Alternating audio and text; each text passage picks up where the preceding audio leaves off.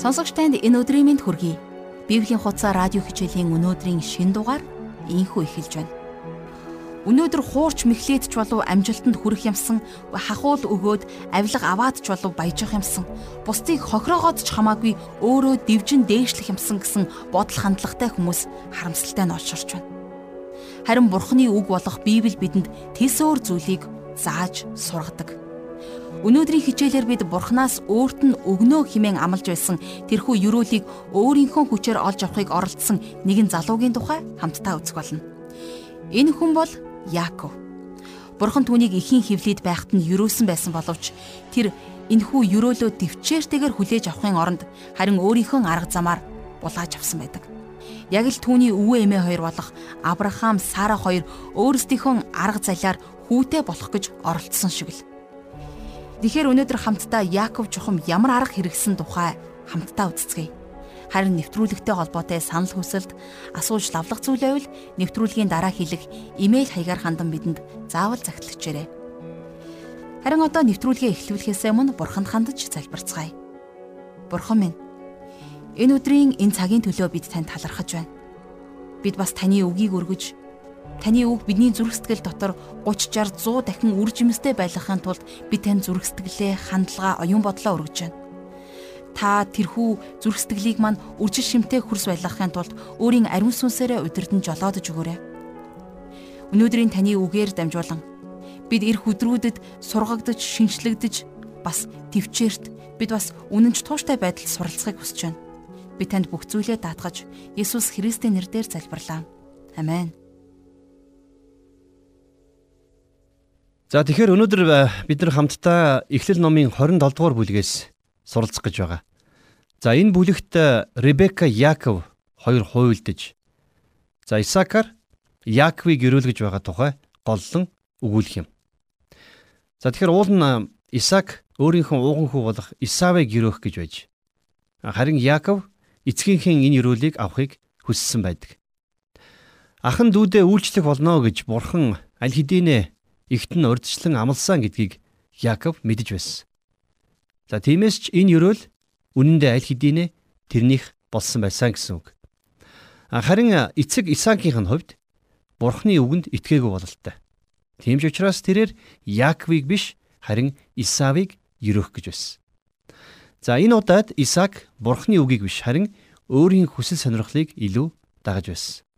За ингээд хамтдаа 27 дугаар бүлгийн 1-р ишлэлээс уншицгаая. За энэ ингэж бичсэн байна. Исаак хөгшөрч хараан муудан харж чадхаа болсон үедээ ууган хүү Исава хүү минь гэж дуудсанд хүүн би энд байна гэхэд Исаак би хөгшөрч өөх өдрөө мэдэхгүй байна. Тийм болохоор чи одоо зевсэг ном саадгаа авч хээр талд гараад миний төлөө ан хийж миний дуртай амтд хоолыг хийж надад авчирч идүүлэн үхэхээс минь өмнө зүрх сэтгэлээр минь өөрийгөө ерөөлгөө гэв гэсэн байна. За Исаак үнэхээр гайхалтай агуу хүн байсан гэдгийг бид нар дээр үзсэн. За Абимелех болон Филистичуд тэрнээс айж байсан учраас тэрнийг нутгаасаа ч хүртэл явуулж байсан. За тэр бол амар амгалан гэрхэмлдэг тэсвэр төвчээртэй нэгэн байсан. Бас улс суурьтай маш хүчирхэг хүн байсан. Харин энд тэрний сул тал харагдаж байна. Исаак үргэлж Исавыг илүү хайрлаж ирсэн болвол харин Ребека Яаковыг илүүтэй хайрладаг байсан баг. За тэгээд э, Исав хээр хөдөөгөөр явж буг гөрөөс гээл янз бүрийн ан амьтан агнаж ирдэг байсан. А ингээд ангийнхаа махаар сайхан хоол хийдэг. Нас өндөр болсон Исаак энэнд ч гэсэн тун их дуртай байдаг байсан байна. За одоо ингээд э, бүр өндөр настай болсон Исаак өөрийнхөө нөгөө хайртай хүүгээ ерөөхийг хүссэн байна. Захан дүүдээ үйлчлэх болно гэж бурхан хэлсэн гэдгийг Исаак маш сайн мэдэж байсан ч гэсэн за өөрийнхөө хайртай хүүг ерөөхийг хүсэж бурхны үгийг чихнийхээ хажуугаар өнгөрүүлсэн байна. За тиймээс ч тэр Исавыг анд явж сайхан хоол авчран за эннийхээ төлөө ерөөлийг хүлээж аваарай гэж хэлсэн байдаг. За энэ гэр бүлд дахиад л дайсагнал бий болж байгааг та харж байгаа. Хагараас болоод Авраамийн гэр бүлд дайсагнал бий болсон. За одоо энэ гэр бүлд ихрүүдээс болоод бас л дайсагнал бий болж байна. За цааш нь 5-аас 8 дугаар ишлэлийг харах юм бол Исаакийг хүү Исавда үг хэлж байхад нь Ребека түүнийг нь сонсож байжээ. Исав ан хийхээр хээр тал руу одов. Ребека өөрийнхөө Яаковд Чиний ах Исавд аавын чинь хэлсэн үгийг би сонслоо. Надад ангийн мах авчирж амттай хоол хийж надад идүүлэн үхэхээс минь урд эзний өмнө өөрийгөө ёроолог гэж байна. Тиймээс хүү минь одоо миний чамд тушааж хэлэх үгийг сонс. За ээж нь Исаакийн хэлсэн үгийг Симхэн сонссон. Тэрээр Яаковд илүү хайртай байсан учраас бас нэгэн залжин төлөвлөгөөг зохиосон байдаг. За энэ бол үнэхээр залтай төлөвлөгөө байсан. За аль ч өнцгөөс харсан үүнийг зөвтгөх арга байхгүй. Бурхан энийг буруушаасан а гэвч энэ нь түүх учраас Библиэд бичигдэж үлдсэн байна. Хожим нь өөдөө шидсэн чулуу өөрийн толгой дээр гэдэгтэй адилхан түүний амьдралд нэгэн ийм зүйл тохиолдохыг бид нар харах болно. За Ребека цааш нь үргэлжлүүлж ийн хэлсэн байна. 9-11 эшлэлдэр Чи мал дээр очиод хоёр сайн ишиг надад авчирвал би түүгээр аавын чинь дуртай сайхан хоолыг хийж өгье. Чи түүнийг аавд аваачиж өгөөд идүүлэн үхэхийн өмнө түүгээр ерөөлөг гэв. Яаков их Ребекада Миний ах Исав бол үсэрхэг хүн. Би гөлгөр арьстай хүн. За энд төр зогсоод нэгэн зүйлийг тодтох хэрэгтэй. За Исав бол улаан арьстай хэр талын хүн байсан төдийгүй бас маш их үсэрхэг хүн байсан. За цааш нь харъя. Аав минь намайг тэмтэрч үзвэл би түүний нүдэнд мэхлэгч гэж үзэгдэн ерөөгдөх нь байтугай хараагдах болно гэв гэсэн байна. За үнэн дээр тэр бол мэхлэгч гэж үзэгдээд зогсохгүй. За жинхэнэ утгаараа мэхлэгч болсон байгаа. За тэгээ цааш нь харъя. Ихэн түнд хүү минь чамд ирэх чиний хараалыг надад оноог. Харин чи зөвхөн миний үгэнд орж яваад ишигнүүдийг надад авчирж өг гэсэнд тэр одож түүнийг авч ээждээ авчирч өгөв. Тэгээд ээж нь эцгийнхэн дуртай сайхан хоолыг хийжээ. Ребека гэртээ байсан ууган хүү Исавынхан хамгийн сайхан хувцсыг авч баг хүү Яаковдаа өмсгөж ишигний арьсаар гар болон хүзүүний гөлгөр хэсгийг ороожээ. Өөрийн хийсэн амтд хоол талхыг хүү Яаковд өгвөө гэсэн байна. За энэ хэсэгт би баг зэрэг тайлбар хийлээ. Яаковыг Исав гэж бодогдуулахын тулд Ребека ишгний арьсаар Яаковын гар хүзүүг ороосон. За мөн Исавтай адилхан үнэртэй болгохын тулд хувцсыг нь хүртэл авч Яаковт өмсүүлсэн байдаг. За Исав үнэртэй ус хэрглэж усан тогтмол ордог байсан гэдэгт за би хувьдаа эргэлзэж байна.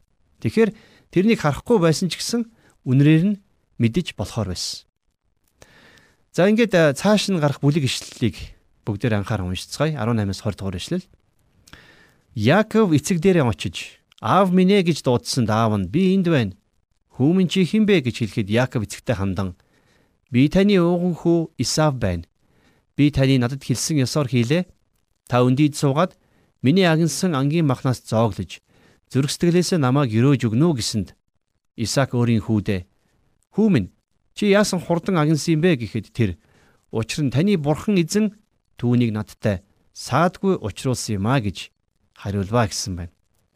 За яг энэ үед Яаков жинхэнэ бялдууч ловирчин болсон байна. Харамсалтай нь өнөө үед иймэрхүү ловирчдыг хамгийн их сүсэг бишрэлтэй хүмүүсийн дундаас ч олох боломжтой болж тэд нар эзэн бурхан өөрсдийг нь удирдах байна гэж ярьдаг. Заримдаа эзэн тэднийг үнэхээр хачин зүйл хийлгэхээр удирдах байгаа юм шиг надад санагддаг. Зарим Христэд итгэгчид Бурхны нэрийг барин бусрамг зүйлс үлдэхтэй бэлэн байдаг. За тэгсэн хэрнээ тэд нар энийг Бурхны хүсэл гэж хэлээд үүнийхэн төлөө маш сүсэгтэйгээр залбирдаг. За тэгвэл Яаков энд яг л ийм ловрыг хийж байгаа. Энэ залилангийн хэрэгт харин эзэн огт оролцоогүй юм шүү.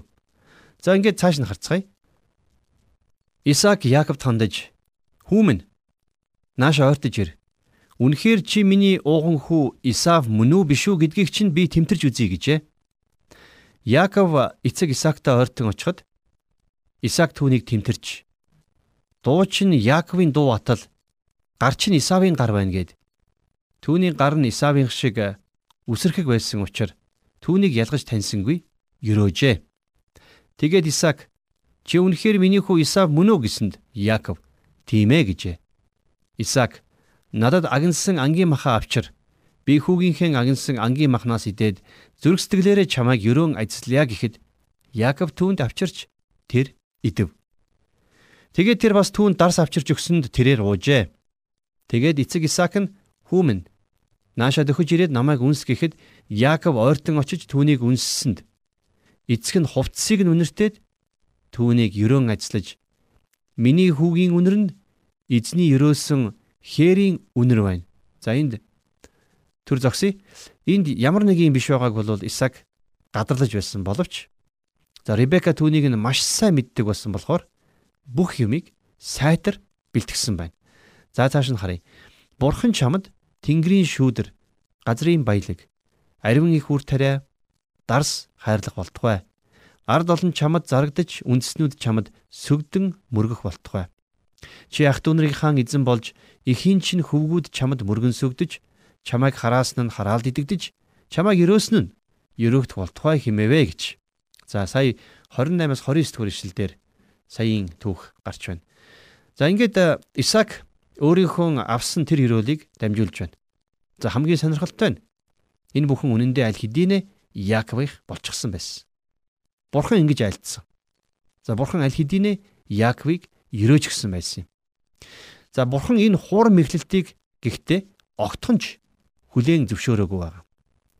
За 30-аас 33 дугаар ишлэлийг цааш нь үргэлжлүүлэн харах юм бол Исаак Яаковыг ивэн ажиллаж дуусмагц Яаков эцэг Исаакийн өмнөөс босоод гарч явсны дараа түүний ах Исав ангаасаа буцаж ирээд амтд хоол хийж түүнийгээ эцэгтэй аваачаад эцэг минь ээ өндийж суугаад хүүгийнхэн агнсан ангийн махнаас идэж зүрх сэтгэлээрээ намайг ерөөн ажиллана уу гэжээ. Эцэг Исаак нь чи хэн бэ гэж түүнээс асуухад би таны хүү, таны ууган хүү Исав байна гэж Исаак ихэд цочирдон тэгвэл надад ангийн мах авчирч өгсөн тэр хүн хэн бэ? Би чамайг ирэхээс өмнө бүгдийг нэдээд түүнийг өрөөсөн билээ. Тэр л гарцаагүй өрөөгдөх болно гэв.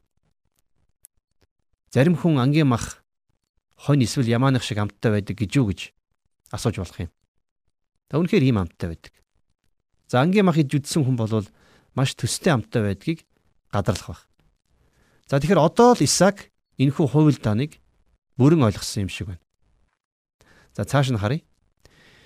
Исав эцгийнхээ үгийг сонсоод бархиран уйлж эцэгтэй эцэг минь намайг өрөөн ажиллааж намайгч бас тгээч гэсэнд Исаак чиний дүү заллин ирж чиний өрөөлийг авчихжээ гэж хэлсэнд Исав түүнийг Яаков гэж нэрлэдэг нь онсон босуу түүний намайг мэхэлсэн нь хоёр дахь удаага боллоо.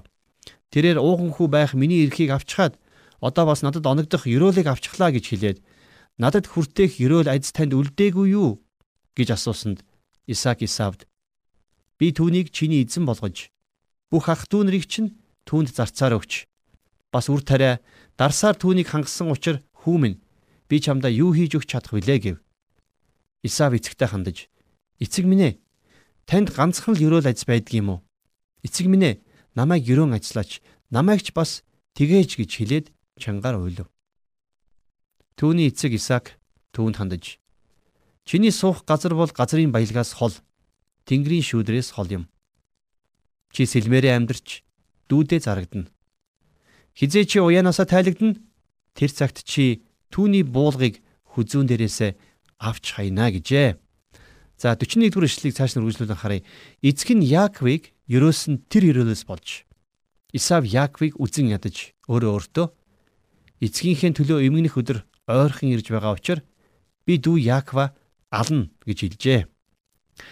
За аав минь өндөр настай болсон болохоор тийм ч удаан амьдрахгүй.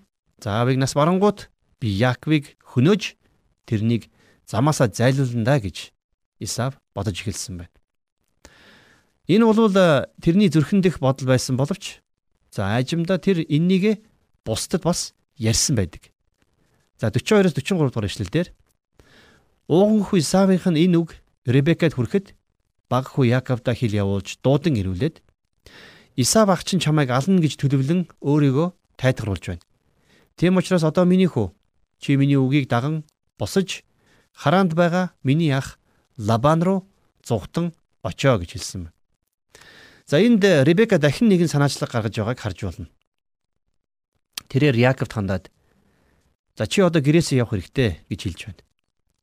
Тэр хийсэн гмийнхээ төлөөсийг төлөх болно гэдгээ хараахан мэдээгүй байсан. Ребека өөрийнхөө хайртай хүүг дахиж хизээж хараагүй. Тэр хүүгээ багахан хугацаагаар төр зур явуулнаа гэж бодож байсан боловч Яаков тэнд дэндүү гудсан. За тэгээд түүнийг буцаж ирэхээс өмнө ээж нь нас бардаг юм. Яаков ээжийнхээ хайртай хүн байсан гэдгийг та санаж байгаа. Ребека хүүгээ өөрийнхөө ах Лабан руу явуулсан юм. За хүүн тэнд очиод маш олон зүйлийг сурч авах болно. За энэ бол үнэндээ өөдөө шийдсэн чулуу өөрийнх нь толгой дээр бууж байгаа хэрэг бай. Хөгшин настай Лабан ах нь тэрнийг амьдралын их сургуульд сургаж хэд хэдэн чухал хичээлийг заадаг юм. За Яаков өөрийгөө ухаалаг залжин хүн гэж бодож байсан бол нагцах Лабан нь энэ тал дээр жинхэнэ мэрэгжилтэн байсан. А гэтэл хөөхий Яаков үнэндээ энэ тал дээр ах Лабаныхын хажууд бол яг л нэгдүгээр ангийн хүүгчгэл байсан байна.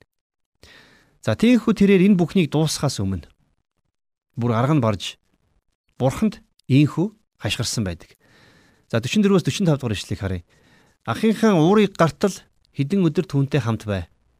Ахын чинь уур гарч өөрт нь хийсэн зүйлийг чинь мартвал би чамд хэл явуулж дуудан чамайг тэндээс авчиръя. Яалаа гэж би та хоёрыг нэг өдөр алдах вэ гэв. За Ребека хүүгээ хитгэн өдрөл явуулна гэж байгааг анзаараарай. Харин энэ хитгэн өдөр нь 20 жил болон сунахыг энэ хөөрхөн эмэгтэй хараахан мдээгүй байсан байна. За Ребека хүүгээ хүлээсээр хайртай хүүтэйгээ уулзах чадлагүй өөд болсон юм. Тэр хамгийн хайртай хүүгээ дахиж хизээч харж чадаагүй. Өөрийг нь хуурснаас хойш Исав ээждээ тиймч сайн хандаагүй л болов. За энэ бүгдээс харах юм бол Ребекагийн амьдралын сүүлийн хэдэн жил чухам ямархуу байсныг бид нар гадарлаж болох бах. За 46 дугаар ишлэгийг харах юм бол Ребека Исаакт хандан би хитчүүдийн огтоос болж амьдрах дургүй боллоо. Хэрв Яаков түн шиг энэ нутгийн огтоос хитчүүдийн огтоос ихнэр авбал миний амьдрал юу болгосон билээ гэв. За Исав харь үндэстний бурханлаг бус эмэгтэйчүүдтэй гэрэлсэн гэдгийг бид нар санах хэрэгтэй.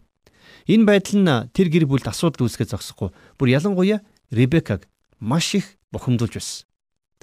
За тиймээс Яаковч гэсэн гэртээ үлдэх юм бол ийм зүйл болж магадгүй гэж нэг үгээр хэлэх юм бол Ребека Исакт хэлсэн байна. Тэр Исаваас Яаковыг хамгаалахын тулд тэрний гэрээсээ явуулах маш сайхан шалтак ийхүү олж чадсан юм. За Ребека Исаакийг ятгах хүүгээ төрөл төрөксөд рүүгээ буюу За төрсэн ах Лабан руугаа явуулахар болсон. Авраамийн зарцч гисэн тийшээ явж байсныг та санаж байгаа биз? Энэ удаад Яаковыг эхнэр ахуулахын тулд болон за бас Исавийн уур хилэнгээс хамгаалахын тулд тийшээ явуулж байна. За үннийг хэлэхэд хэрвээ Яаков гэртээ үлдсэн бол Исав түүнийг алах гэж оролдох байсан гэж би боддог. А гэхдээ нөхцөл байдал эсрэгээр эргэж Ребека эхэлж нас эцэслэн за Яаков эцгийнхээ оршуулганд оролцохоор буцаж ирэх болно. А энэ цагаас хойш Яаков хайртай ээжтэйгээ дахиж нэг ч удаа уулзаж чадаагүй юм.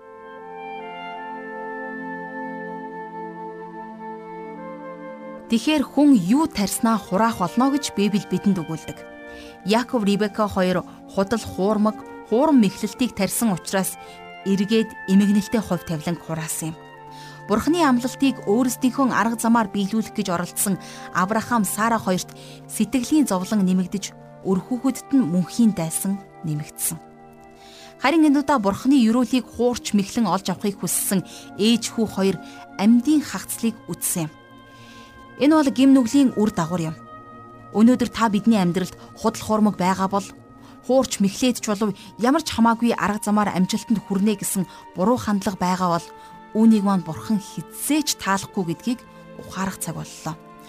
Харин эсэргээрээ хожим харамсаад ч барахгүй үр дагавар биднийг хүлээж байж болох юм.